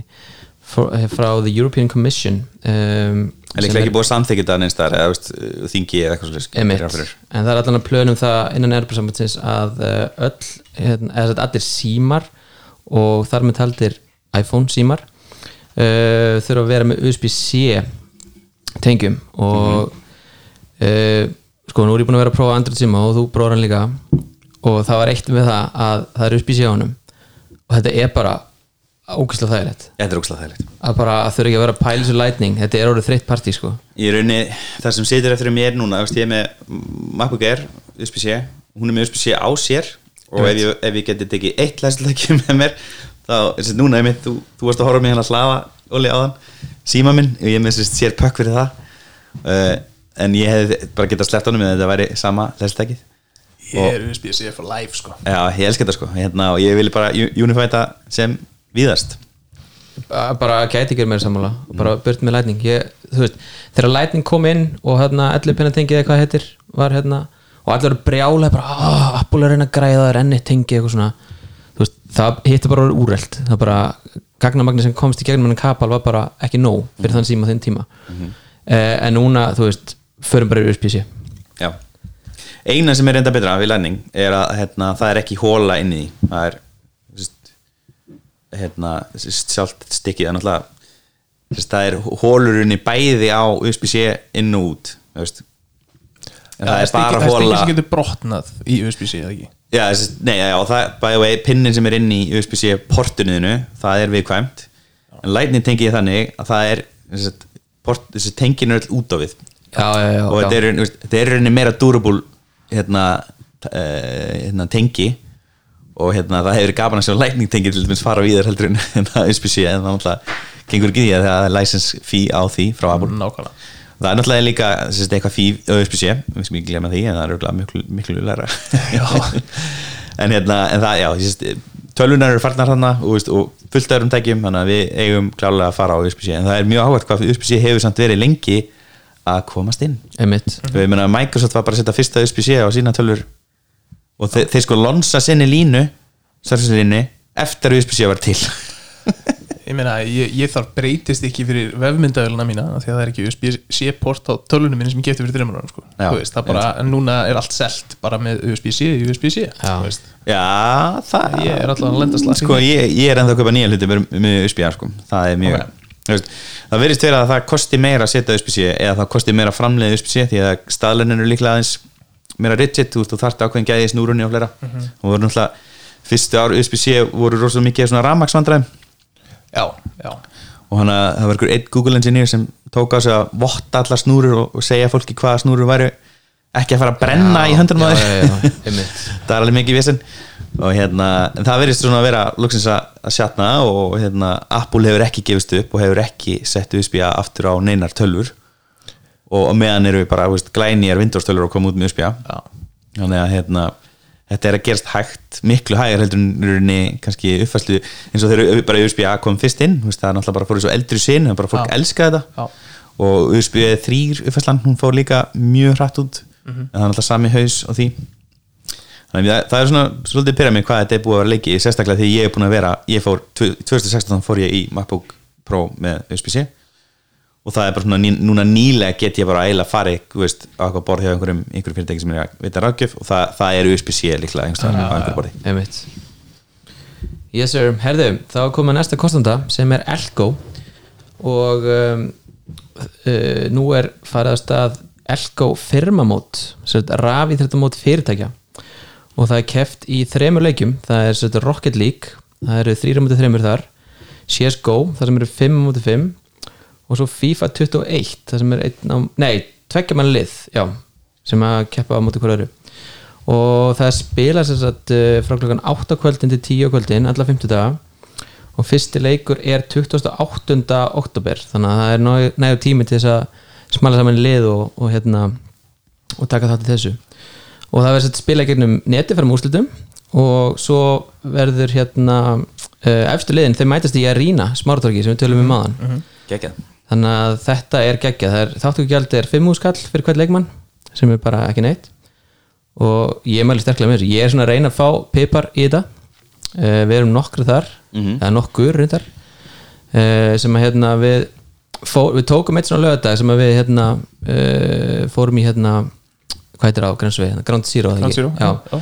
og hérna og tókum eitt dag í DFT Feet og Counter-Strike og svona og það var alveg mjög skemmtilegt. Þannig að ég, ég meina, ég bara varpað inn í, inn í þessa kostenda eh, hérna kynningu að það var gerð rannsókn á þessu um, um áhrif sko þess að spila tölvuleiki saman sem teimi á, á svona teambuilding. Og þetta var búið saman við sko ekkert eða svona hefbundi teambuilding eða þá að spila sérst, klukkutíma af Halo saman.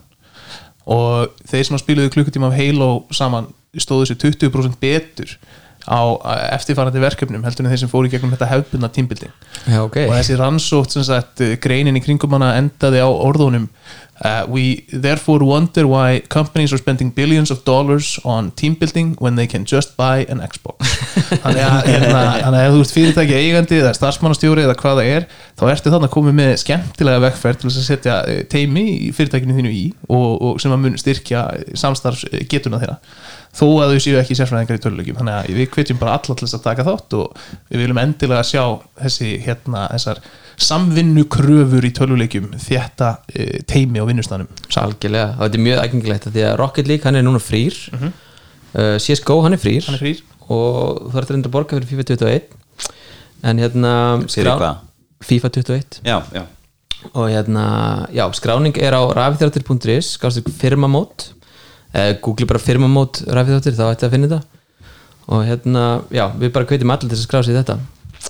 En svona hluta þessu líka, þá hérna eh, er nokkur leiki sem er að koma út á næstinu. Það er eh, Deathloop sem kom reyndar út held ég í þessari viku. Og er að fá frábæra dóma, við Axel vorum mjög spenntið fyrir honum en hérna höfum ekki ennþá orðsakur út um hann. En hann hljómar allan að mjög vel sáleikur mæli með að þið hérna kannski hlustið á leikjarpi, þeir eru búin að vera að prófa hann mm. Og hérna Svenni tók hann aðeins fyrir nýsta þetti uh, FIFA 22, hann kemur út bara uh, núna það er við erum að taka upp á 50 hann er áallar að koma út hérna á morgun uh, förstæðin 1. oktober uh, svo er það Far Cry 6 kemur út 7. oktober áallar sem er hérna innræðisherran á einhverju lítilli söður ameríski eigi eða eitthvað svona. Sjö, sjötti hinræðis er hann á, á sjöttu eiginni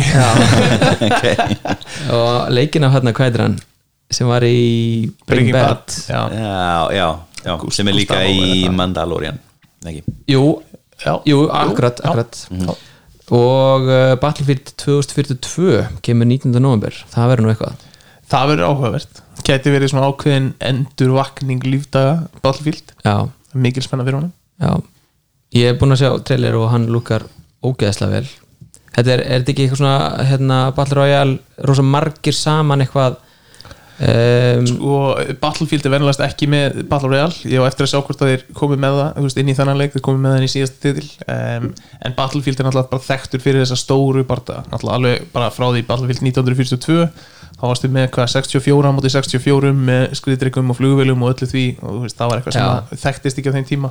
Og leikurinn er bara orðin enn stærri í dag. Þannig að þú færð þessa svona grand scale sko, baróttu um, en það er svona það sem að hefur kannski haldið aftur að leiknum að, að ákveðnu leiti sko, með fjölspilunna og, og með það að verða veist, að rafíþrótt eða öðru en það þetta er ekki, veist, þetta er ekki alveg nógu svona lítið í sniðum þú veist, eins svona, svona Twitch þetta er svona meira svona stór takting við, við erum hersveit hvar þurfum við að veita backup til þess að við missum ekki þetta landsvæði sko.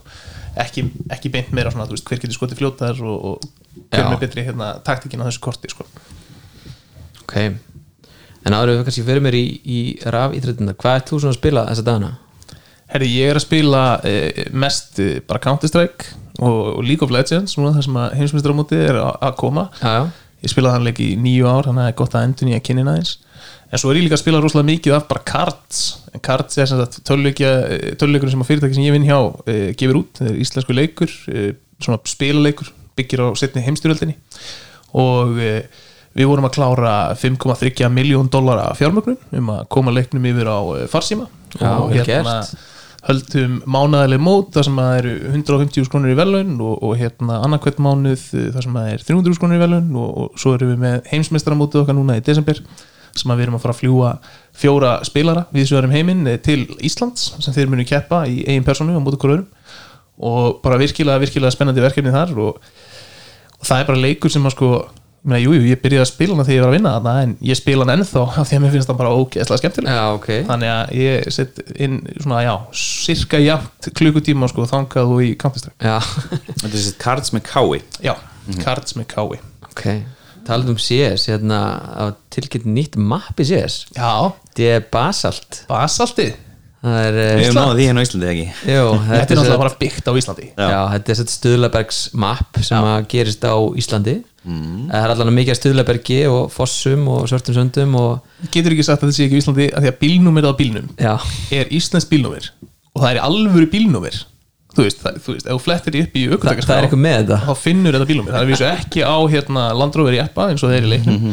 Ég held að það sé á einhverjum hérna, nei manna ekki ég var, ég var búin að fletta þessu upp sko, ég var búin að tjekka þessu Kristinn var að segja mér frá þessu í dag, Þetta Kristinn Innar. 100% Ísland sko. Já, þú, þú geggjað. getur ekki tekið á okkur sko. þetta Einmitt. lukkar svona svolítið eins og svona blanda af, af Húsavík og, og, og hérna svona gömlum íslenskum bæjum, svona Bárujátshúsum og, og, og einhverju svona og það vitið þarna já, já, viti og svona falleg fjöll í, í fjarska minnir óneitanlega á sko hérna útsýnið á grundafyrði sko og, og hérna þannig að ég, ég tek þessu fagnandi sko og, og ég vil meina nú að þetta sé ekki ekki, ekki bara tilviljun sko. Það lítur að vera að taka eftir okkur hérna á Íslandi hvað er um að gera geggjaða hluti. Já, lítur að vera.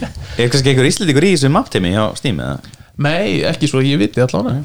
Og hérna, en ég held að þetta sé þú veist, þeir eru með alls konar eh, lönd inn í leiknum. Ég meina Inferno, það er bara allt mótilað eftir einhverju klustri á, á Ítalíu skilur um, þannig að þú veist það er alveg fordæmi fyrir því að þeir leita að innblæstri hingað og þangað. En þú veist, ef, ef, ef, ef þið googlið bara basalt new map eh, CSGO og, og farið og kíkið á þetta þú veist, þú getur ekki sagt mér þetta ég ekki vera stuðla kill sko, bara ekki séns. Það, það var einmitt komið eitthvað eh, 40 minna YouTube-vídeó Þetta er walkthrough. stilagil sko, ég er að horfa á þetta núna. Já, ég veit það. Það er bara, það er bara eh, Helgi Jean er ekki á einhyrning hérna í miðjunni og það er engir áhrifavaldar. Það er eini munun á þessu stuðlagilli og, og hérna, okkar í alvörunni sko. Og það er kannski einhverjir streamerar samt. Já, á hundrum Já, þetta er cool. Herði, ok, hérna, svo kannski fyrir bara yfir í ræðitötunar núna.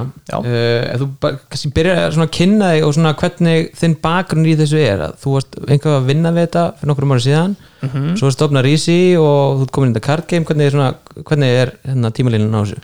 um, já, ég meina ég byrjaði að vinna hjá CCP þegar ég var eh, ja, tvítur cirka og svo fór ég að sjá mótin hjá CCP eftir um það byrja eitt og hálft ár um, eftir að hafa gert það í eitt og hálft ár að þá höfðu Riot Games á Írlandi samband við mig og spurðu hvort að ég hefði áhuga að sækja um stöðu til þess að sjá um sérst, háskóla umhverfið í, í rafíþróttum og uppbyggingu sérst, í rafíþróttum í háskóla umhverfinu kringu League of Legends sérstaklega.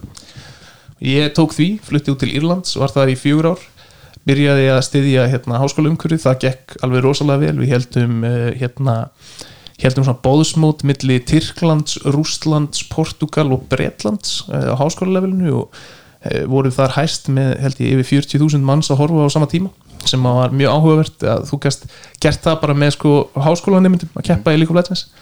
Og eh, svo færði ég mig yfir í svona product eh, management þar sem að ég fór að stýra vöruþróun og, stýra development team. Þar tók ég við vöru sem hétt Battlegrounds og var svona móta plattform við heldum eh, að ég held örgulega eitt stærsta mót sem við nokktum að vera haldið það voru 4500 lið. Wow, ok. Um, sem að keftu í mótinu sem ég heldum þegar það var stærst og, og, og plattformin sjálfur var sem sagt á 14 tungumálum í 11 löndum og, og nokkuð miljum mann sem að notu hann e, í hverju mánu okay. og á sama tíma meðan ég var að gera þetta alltaf fekk ég að ferðast út um allan heim og upplifa allar rafitrótaviðburna og, og svo þegar við eignuðumst hérna annan strákin okkar, ég og, og kærasta mín þá ákveðu að flytja aftur til Íslands það var í rauninni ekkert svona í tölvuleika bransanum sem hyllaði mig. Og ég hugsaði bara, heyrðu, af hverju, hverju reynum við ekki að gera rafíþróttir, þú veist, að einhverju almennlegu hérna á Íslandi, þú veist, ég er búin að fá að ferðast um allan heim og, og upplifa þetta allstaðar og, og þú veist, fólk er tilbúið að leggja alls konar á sig fyrir rafíþróttir, hvað sem þessi ferðalög eða, þú veist, hérna, eða hvaða er.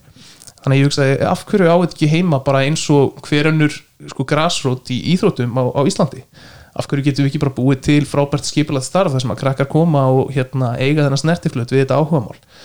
Og eitt í svona þremu mánuðum ég að búa til planið og svona þú veist hvar við þyrftum að eh, hérna fræða fólk og, og hverjar áhersluna getur verið og svo fórum við að stað með Rísi með, með frábænum hópi af fólki og, og ég var akkurat að segja fyrsti fundurinn sem að ég tók svona í kringum stopnun Rísi, var með hérna stráksmyndir Hafliði og hefur síðan líka flætsinsdeildirnar okkar og, og, fleiri mót alveg í mörg ár. Og fyrir mér þá var hann svona líkil maður að fá inn, þú veist, hann leisti það úr læðingi við gætum haldið mót og gert það vel. Og ég lofaði gull og grænum skóum hérna, ég er sannfæran um að koma með mér í einn áfn og að harki þessu í nokkur ár og ekkert svona, það hafði ekkert náðuninu traksjoni lengra heldur en bara sjálfbástar en ég talaði þarna um skilur bara, þetta verið farið inn í Íþjóttafélugin og það verið komið sjónvastuð og 200 miljón krónar þjóðleikongur og allt bara fyrir 2023 og svo fórum við yfir þetta saman um daginn og við komum staði að, að við erum búin að ná öllum þessu markmið þannig að, þannig að er þetta næst? nákvæmlega. Og, og veist, ofan á þetta þá erum við líka búin að fá sko þrjá stærstu bara rafið þjótt að viðbyrði heims hérna til Íslands á, á árinu sem hafa skilað nokkrum miljörðum inn í hagkerfið bara beint. Og, og þar finnst mér bara strax frábært að geta, þú veist, gefið tilbaka svona snemma í ferlinu, skilur við, þú veist og, og hérna, þannig að svona í rauninni fyrir þetta stað og, og ég, vann í, ég vann í tvö ár 100% eh, hérna fyrir Rísi, uh, launalust kláraði sparafið mitt og þá var bara komið tími til þess að ég þurfti að fara að gera eitthvað annað og, og ég fekk vinnu hérna hjá 1939 Games um, sem að bara smellpassaði inn í teimið og gekkja skemmtilega vara á annað en, en fekk líka að halda áfram að, sinna rafíþróttunum Er það íslenskt fyrirtæki? Já, Já, ok og hérna og þá kom Aron Ólafs sem er núna framkvæmdastjóri í Rísi og hann var tilbúin að halda áfram veist, að taka slægin, sko. Hann stegi inn í þessa stöðu með engin laun veist, það var bara, hei, ég get ekki borgaði neitt en mér langar að ráða þig hérna, í 100% starf sem framkvæmdastjóra í, í hérna, þessu ógeðslega metnaða fulla batteri sem ég er búin að vera að keira á gufum minna í tvö ár sko. uh, ertu til? Og hann bara, heyrði, ég til veist, sláum til. Og, og því lík hérna, kærkomin aðstof sem það var og, og hérna og svo bara, þú veist, höfum við saman á samt uh, mjög stórum hópi af frábæri fólki sem er núna komið inn í öll verkefnin að gera þetta og bara haldið áfram að keira og, og núna bara stendur Ísland já, bara eins framalega og ég held að við getum staðið í, í rafíþróttum. Um, við eigum eitt verðmættasta þjálfunar umhverfi í heiminum. Eh, við hefum blandað saman líkamlegri heilsu eða, eða svona wellness og, og e-sports betur heldur en í rauninni allir aðrir í heiminum.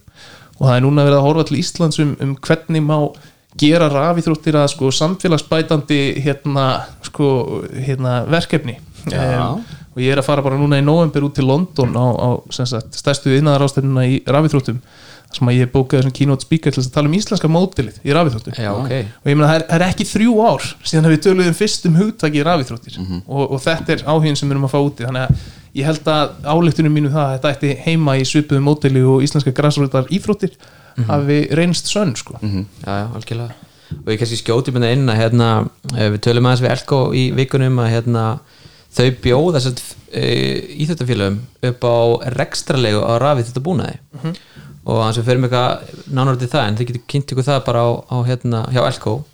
Eh, en það er klálega mjög gott að hérna sagt, hvar byrja maður í svona? Veist, þetta verður klálega byrjunarpunktur að fara þangað og, og tjekka því. Allan daginn sko. ég meina þú veist þetta var eitthvað sem við unnum bæði með Elko og Origo sam- á sínum tíma um, af því að við töluðum um það þú veist, það er þörf núna á því að geta verið með til rekstralegu af því að uh, núna eru einstaklingar og, og íþjóttafjölug og fleiri að fara að stað með rafíþjóttastarf og þeir hafa ekki 10 miljonir á milli handana til að kaupa þú veist, 10 gaming stations. Einmitt. Og hérna, þannig að En þarna geta leikt búnaðin eða leikt sér aðstöðu. Nákvæmlega og, þú veist, og þau eru líka committaðna til lengri tíma. Af því að þau eru að reyna að fá búnaðin og svo eru reyna að reka sko, þú veist, business gagvart búnaðinum og, og, hérna, og þá meika þetta bara þú veist, og gekk þetta allt upp dæmið og, og þetta í rauninni þessi þjónusta gerði rosalega mikið fyrir uppbyggingu á rafíþróttum af því að allt í einu gastu fengið allt sem þú þurftir fyrir heila stöð á einhvern 20 skallar mánuði. Og þannig að þú byrjaði með 10 tölfur að þá var ekstra kostnæður á rýminu 200 skallar mánuði. Og hver yðkandi var kannski að borga 12.500 eða 15.000 mánuði þannig að þú þurftir 20 yðkendur til þess að kofera rekstarkostnaðin á því og þá kannstu fara að byrja að borga þjálfunuleg já, og hérna og svo kemur líka bara í ljós að eins og við höfum alltaf lagt upp með er að þú getur nýtt þessar tölfur í hvaða tölvuleik sem er. Þannig að í sama rýminu sem það kostar því ennþá bara 200 krónur að, reka að þá getur verið að bjóða upp á tíu mismandi leiki.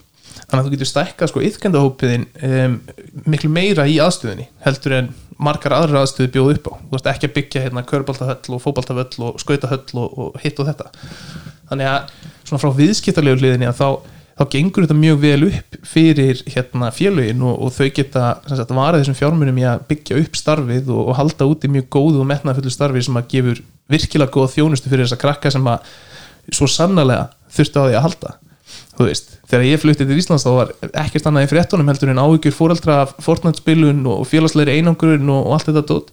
Í dag þá eru 1500 krakkar sem er að mæta á æfingar með jafnöldur sínum, tísasunum eða meira í viku sem að þau eru að reyfa sig og hlaupa um og kynnast og, og auka sína félagsverðni og, og læra soft skills sem að nýtast þeim í lífinu og, og hard skills sem að nýtast þeim í tölvöki áhugamálunu og hérna þannig að þú veist, ég er bara, ég er bara eins og ég segi, beyond ánæður með allt það sem að hefur komið fram sko. þannig að það er svona, það er líkamleg hérna, svona áreitlega hluti af þessu prógrami hjá íþjóttafélagunum líka.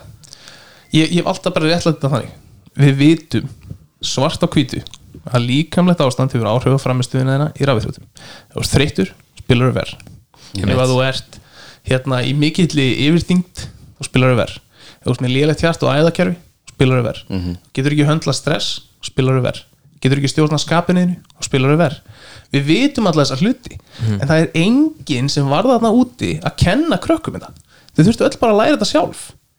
Þú veist, og ég meina ég lærði þetta ekki fyrir en ég var sko 25 ára eða eitthvað, þú veist, ég var hérna að spila í innra mótinu hjá Riot Games og var rosalega neikvæður í einhverjum leik. Þegar að yfirmaðurinn minn sem alltaf kom rosalega yfirvegað og rólega fram og með vör bara trompaðist við mig og hann bara öskraði á mig bara viltu halda K.J. bara þú veist, það nennir enginn að spila með þú veist, svona leiðilegu viðhorfið það sem múst alltaf að væla yfir þessu og þessu og allt það. Og ég var alveg bara wow, þvílíkt. Sko þvílík eh, hérna bara vaskusa í andliti sem þetta var sem vakti mig upp að hérna djúpum svefni og þá tók ég til í, í hefðuninu minni í tölunum og allt gekk miklu betur gekk betur að vinna með liðinu og, og öllu öðru. En þú veist, það tók mig 25-26 ára að fá þessa leksju núna erum við að kenna krökkur um þetta þegar þau eru 6 ára. Frábært.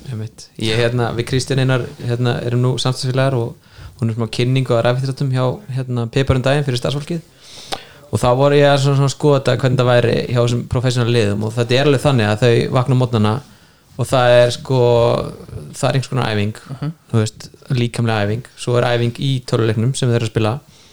Uh, svo er önnur æfing, einhvers svona styrtaræfingar og svo bara hátíðismatur og veist, það er ekki skyndibiti það er eitthvað eldað onnið þau. Já. þú veist, það er ákveð mikið af kólvetnum og prótinum og þú veist, þetta er allt, þetta er allt talið.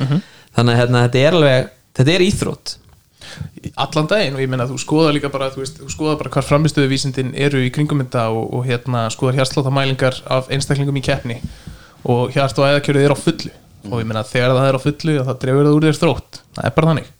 Heilin á þér, hann er bara þú veist flæðir uh, hérna uh, ég man ekki hvað heitir. Það er hérna kortisol held ég. Já, Nei, það er jú, stresshormónið. stresshormónið, já, Já. flæðir stresshormónið og þú veist það er jafn mikið kortisol í heilanum hjá þeim og hjá formúlu 1 aukumanni í miðri keppni Já, ok. Þú veist, þannig, að, þannig að þetta er gífuleg andleg gífulegt andlegt álag sem kveikir á öllum líkamannum og, og þú ert þarna í þessari, þessari stöðu og svo er oft keft í mjög langan tíma í tölling þú veist, þú ert kannski með best of 5 skilur, fyrstur upp í þrjá sigra vinnur og það fer kannski alveg í alla 5 leikina og þú spilaði kannski tvær framlengingar. Og þú búin að keppa upp á sviði í einhverja sjö tíma og þú þarft ennþá að vera bestur í heiminum.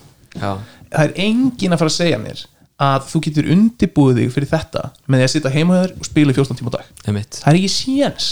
Það er mjög fyndið ég hérna ég er sett hluti af hérna, fighting game community hérna á Íslandi. Já. og við höfum verið að spila nokkur svona lögða sunnunda hérna í vetur.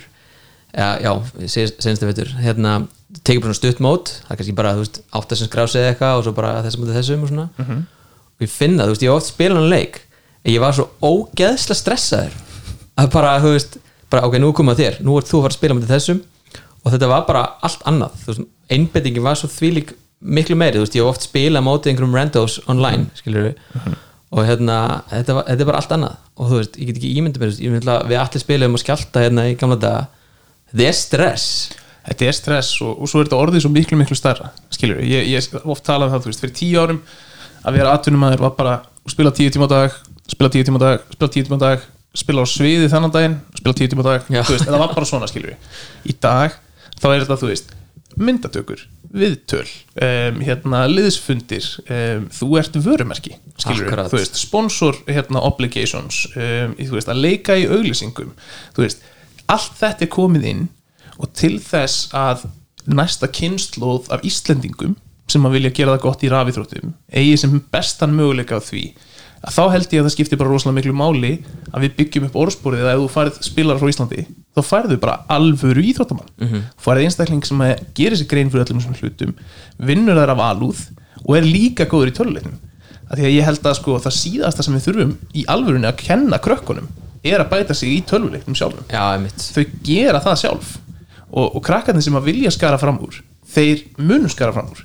En við þurfum ekki að setja einhvern veginn kröfun á alla krakka að spila x mikið eða þú veist, að, að vera svona góð og við þurfum að búa líka til umhverfi þar sem að það að vera svona góður getur ekki bara stíðið til höfuðs og þú verður bara toxic og leiðilegur við alla og þú ert núbi og ég er ekki að spila með þér að þú ert svo lélugur og annað. Og við þurfum að nota þetta tækifæri til að búa til leiðtoga úr þessum krökkum. Og ég hef alveg því líkar sko, hérna, breytingar á hegðun hjá akkurat strák sem var í þjálfun hjá mér hjá Ármanni þegar ég var með þann hóp. Það er bara eitt, eitt rugglaðasta talent sem ég hef séð. Hann byrjaði, sko, spilaði ekki Fortnite að hann byrjaði að æfa hjá Ármanni. Og eftir tvo mánuði hjá Ármanni að þá vann hann sko einna móti tveimur og móti tveimur bestu spilunum á landinu. Þú veist, 13 ára ólíku sko. Og hann var byrjaður að hérna, komin í efstu mögulegu dildina, var í topp 0, eitthvað prósent af spilunum í Evrópu og allt þetta dót. En um leiðan var svona góður þá byrjaði hann að drull yfir alla aðra. Já, þannig að ég settist niður með honum ég tók spjallið, þú veist, hei fólk lítur upp því þú veist, það finnst þú vera geggjaður. En því finnst rosalega leiðilegt þegar þú kemur svona fram við það, þú veist það sem ég vil sjá frá þér, en núna vil ég að sjá, sjá að þú verið leiðtói, ég vil sjá að þú liftir upp fólkinu kringu þig, í staðin fyrir að íta þig niður. Að því að þú þarft ekki að hafa áhyggjur af því að það náið þér eða farið fram úr þér eða eitthvað annað, þú ert það langt á undan. En það er allir að horfa til þín til þess að læra. Hvað gerir þá næsta æfingu? hann lappaði upp að sko erki óvinni sínum á, á æfingunum og settist niður og hjálpa hann þeir spiluðu saman alla æfinguna. Hann var leiðtói hann kom og kefti á móti. Hann vann móti, hann var auðmjúkur í sigri og hérna þakkaði keppinundunum sínum. Þú veist, þetta eru tækifærin sem við missum af þegar öll þessi spilun fyrir fram bara einstaklingur heima hjá sér án eftirlits. Af því að ég, þú veist ég treysti fóröldurum landsins rosalega mikið en ég treysti þeim ekki til þess að hafa tíma til þess að fylgjast með allir spilun barnana sinna Nei, og hérna gefa styrkingu fyrir rétta hegðun og, og hérna leiðrétta ranga hegðun. Ég, þú veist, bara sem fóreldri og vinnandi maður sjálfur þá veit ég að það er bara ómögulegt. En, en þess vegna skiptir máli að þess komi, komi hérna þjálfari sem að hefur allt í einu svona ákveði vald sko. þú veist, þú hlustar á þjálfaran miklu frekar en þú hlustar á mömmu og pappa. Og allir sem hafa verið í íþróttum þekkja það líka. Eða þjálfarin sagði, já já, keppna morgun það er að borða holt og snemma að sofa. Hlusta þér á það. Ef þetta hefur verið mamma, þá bara já, nei, nei. Ég ætla bara að vera í símanum til hún eitt eitthvað svona. Já, en þjálfarin, þá bara já, amen veist, og þetta, þannig erum við núna komið með þessa rödd inn á töluleiki vettvangin og það skiptir bara rosalega miklu máli. Nú var hérna stórt ræfiðumót hérna um daginn, var það ekki í mæ Jú, Það var hvað, MSI Mid-Season Invitational og Valorant Masters. Já. Uh, Og þetta var á vegum Riot Games, var það ekki? Jú, Ok, og þetta var hingað til stærsta mót sem hefur haldið hingað til eða ekki í, e-sports á Íslandi? Alveg, alveg, jú, langastæsta um, Alltaf áhorfið hleypur á yfir 100 miljón manns hvern útsendingadag og þetta voru held í samtals 20, 25 útsendingadagar eða svo leis Þannig að, já, meira áhorfeldur en Eurovision. Já, það var svo leys Og hvað, áttavast gistinættur og ekki sem voru seldar hérna í tengslu við það? Þær voru nú töluvert fleiri í lokin en það var svona það sem að bráðabyrja tölunar hérna litu í ljós. Jú, um, og svo náttúrulega hleypu bara viðbyrða kostnaðurinn sjálfur á 100 miljóna eða miljórum um, umfangið í kringum þetta er miklu starra heldur en að við þekkjum hérna á Íslandi. Ég meina sviði var 40, 40 metrar á stærð, það voru 180 fermetrar af sjómarpi í bakdroppinu skilur og þetta var eitt svið. Já, ok. Þeir byggðu annað svið hinum einn Vá. þeir byggðu annað svið fyrir Valorant og það var allt, allt annað hérna, all, allt annað stíl, allt unnum framleiðsla. Þar voru þeir með hérna varpa sem sagt, undir gólfinu sem að e, byggu til grafík á gólfið. Og hérna og þetta er svona, veist, svona Eurovision sviðsstemmari sko. Og, og þú veist tala, að tala við fólkur reynt fólkur viðbyrða innan um annað sem að vara sinna þessu, þú veist, þú heyrðir hvar, við hvert sem þú talaði, sko, þú heyrðir alltaf hvað þetta var stórt, þú veist. Herrðu, já, við áttum ekki nóg mikið að trussum á landinu til þess að geta sett upp þetta ljósarygg þannig að þeir þurftu bara að flytja það allt inn. Já, herrðu, já, við áttum ekki nægan búnað á landinu til þess að halda útsendinguna. Við hefum þurft að sópa út öllu í, í hérna, rúf og stöð 2 og, og öllum öðrum stöðum og eftir menn þá þurft að kaupa 50 búnaðum sko. þannig að þeir þurftu bara að koma með hann. Þetta er svakalegt. Þetta er náttúrulega bara, þetta er bara rosalegt sko. Svo hitt ég því hérna uh, á lokahófi Vótafóndildarinnar þegar þetta var emt í gangi og ég spurði þið þá heldur að sé að sensa að komið fleiri svona mót til, lands? Og það er sem þú fara að gerast bara í hvað næstu viku? Í næstu viku uh, og það er hvað, heimsmestramótið í League of Legends? Já, heimsmestaramóti og það er í rauninni bara þú veist, þú ert með mid-season invitational. Það var risastórt. Þetta er bara það sinnum 1.5 skilur, veist, það er bara allar sögurnar eru stærri að þetta er heimsmeistaramótið. Um, þetta er ekki eitthvað svona þú veist, mitt, um mitt tímabilið, þetta eru mistararnir úr hverju, hérna, hverju dild fyrir sig þú ert með, þú veist, kóreisku mistarana þú ert með bandarísku mistarana svo ertu með annarsætið, þú veist. Þannig að allar sögulínur verða stærri þú veist, allar fréttir verða stærri. Um, þú veist, ef, ef einhver er búin að fylgjast með fjölmiðla umfylluninni bara, þú veist, nú þegar þá skilur við búið að fara eins og eldur í sínu til dæmis viðtal við sko þekktasta spilara í kóru með þetta Faker og, og hann tók eitthvað viðtala sem hann sagði bara já ég hlakka svo mikið til að sjá náttúru fegurðin á Íslandi. Og það er bara svona, er bara svona 70 miljón manns eða eitthvað í Asíu sem er búin að lesa þessa frétt. Bara eitthvað, já Faker, hann, hún finnst geggjað að fara til Íslands. Og þú veist, ég hugsa bara ok, hversu margir er alltaf að koma í framtíðinni? Þú veist. Og, og svo ertu með, þú veist, þú ert með Cloud9 þeir eru búin að vera hérna í nokkra vikur. Voru leiðu aðstöðuna hjá Dusty voru að bootcampa þar og þeir eru bara búin að vera að gera sko vlogg og annað í íslenski náttúru. Þú veist að fara í einhverjar hérna buggyferðir og, og eitthvað svona dót. Og eru bara búið til content. Og þeir dreifa sínu efni til 37 miljón manns. Maður heyrst það rosalega oft Cloud9, er þetta bara stærsta lið í heiminum í dag í allavega League of Legends? Um, þeir, eru bara, þeir bara rosalega stóris þeir eru er alltaf norður ameríska ekki, Já. eða en þeir eru, þeir eru rosalega stóris það er alveg, alveg rétt sko. Áttu mjög gott síðastlið einhver tíman en ekki alls ekki lengur. Já, það er mjög 2K. áhuga hérna, heimildamönd á YouTube frá Vice um ræðvittur þar sem að hérna, tekið viðtal við einn úr Cloud9 og þá er bara sínt hvað hann er mikil stjarna. Sáka, þetta er alveg þetta er alveg fyndið sko. Nei, menn þú ættir að sjá sko það er til myndband af Faker að lenda á flugvellinum í Kína og það eru tíðúst manns að býða eftir honum. Wow. já ok, skilur og hann lappa bara út og það er bara fólk með skilti og allt þetta og, og, og hérna á tímabili núna um daginn þá var reynd að kaupa Faker sest, yfir í kynvestlið fyrir 10 miljónir dollara. Bara kaupverð á honum. Wow. þú veist. Og, og ég meina jú, hann, hann, hann er risastór stjarnan ég meina það sýnir bara hvað þetta- hvað þetta er stórt skilur og, og náttúrulega stærsti markaðan fyrir líka legends er Kína og, og Suðurkóriða þannig að þú veist, kemur ekki óvart þessar tölur að koma þaðan. En ég meina, 10 miljónir dollara í leikmannakaup skilur þú veist. Hva, hvert eru við komin þá? Hérna, horfður á Cloud9 eh, gerðu opna samninga við Counter-Strike-liðið sitt Eh, sumir voru hvað, þryggjára samningur þrjár miljónir dollara í laun. Á Þú veist, árið þá? Eh, bara þrjár miljónir tótal, þú veist, ein miljón Já, fyrir dollara á samninginn. ári Já, skilur við, já, veist en þannig að þetta komið með laun ein miljón dollara á ári bara í, í bara laun Mhm. þú veist, og það er ekki háð því að þú vinnir mót eða þú veist, eitthvað svona. Nei en þá tekur vantilega liðið inn veluna fyrir á mótunum með það ekki það tekur inn veluna fjóðmótunum um, en það er alltaf, það er alltaf venjan er að það sé einhvern veginn splittað sko. já, af því að liði græðir á leikmannum og mörgum öðrum vettvungum líka. Þannig að þú veist, það er partur af veluna fjóðinu fyrir einhverja bónuskveðslu til leikmanna um, fyrir framistuðuna en, en svo eru þið náttúrulega líka að fá borga fyrir það að þú veist, selja fött og treyjur og, og hérna. En er það ekki Astrali sem er unni með þú farið eða allt, ég held að sé 10% sem fer til fyrirtækisins? Já, já ok Ég þarf að spyrja út í hérna mörgsi að hérna, það er oft tala um það að þegar eins og Beckham verið til hérna, Los Angeles Galaxy eða eitthvað sluðis að þá hérna að treyja reynir bara borgar upp samningina sko. er eitthvað svolítið þessu að er verið að selja sko Cloud9 mörgs þá? Já. eða er þá verið að selja mörgs tengt uh, leikmönnum?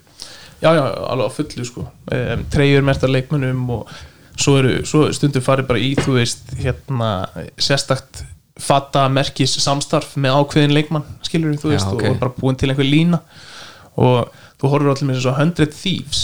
100 Thieves er mjög stórt lið í bandaríkjunum, er með Drake sem fjárfesta meðal annars. Og þeir bara þeir eru mjög hreinskilið með það. Þeir eru bara, herðu, við erum hérna Urban Apparel Company. Já, og markasetningin okkar er það að við erum með rafíþróttalið. Þú veist, þannig að þeir bara keira rafþjóttarliðið sitt en, en businessið þeirra er að það að þeir eru að framlega og droppa fötum og það selst alltaf allt upp af því að þeir basically taka bara, heyrðu, hérna er næsta pöntun hún er tilbúin, hérna eru fött fyrir atvinnumennina, þeir fara út promótera þetta á Instagram síðinu sinni allir aðdáðnir eru bara oh my god, oh my god, oh my god, ég verð að fá þetta, ég verð að fá þetta. Og svo setja þér út, heyrðu, takmarka magn. Selst allt upp. Þetta er geggja Herru, við erum brunn á tíma. Uh, Takk hérlega fyrir að koma í þáttinni. Viltu koma eitthvað að lókum? Nei, bara takk hérlega fyrir að hafa mig og eins og ég segi, hvet allar til að taka þátt í firmamótinu hjá Elko og tjekka ára við þrónum um, það er líka við svörum spurningum gjarnan á Facebook og annað ef að fólk hefur eitthvað eh, til að spyrja okkur. Þannig að bara, annars bara áfram rafið þróttir. Já, frábært. Og við þakkum uh, Brugstofunni, Honky Tonk Barbecue og Elko fyrir kostununa Takk fyrir okkur. Takk, takk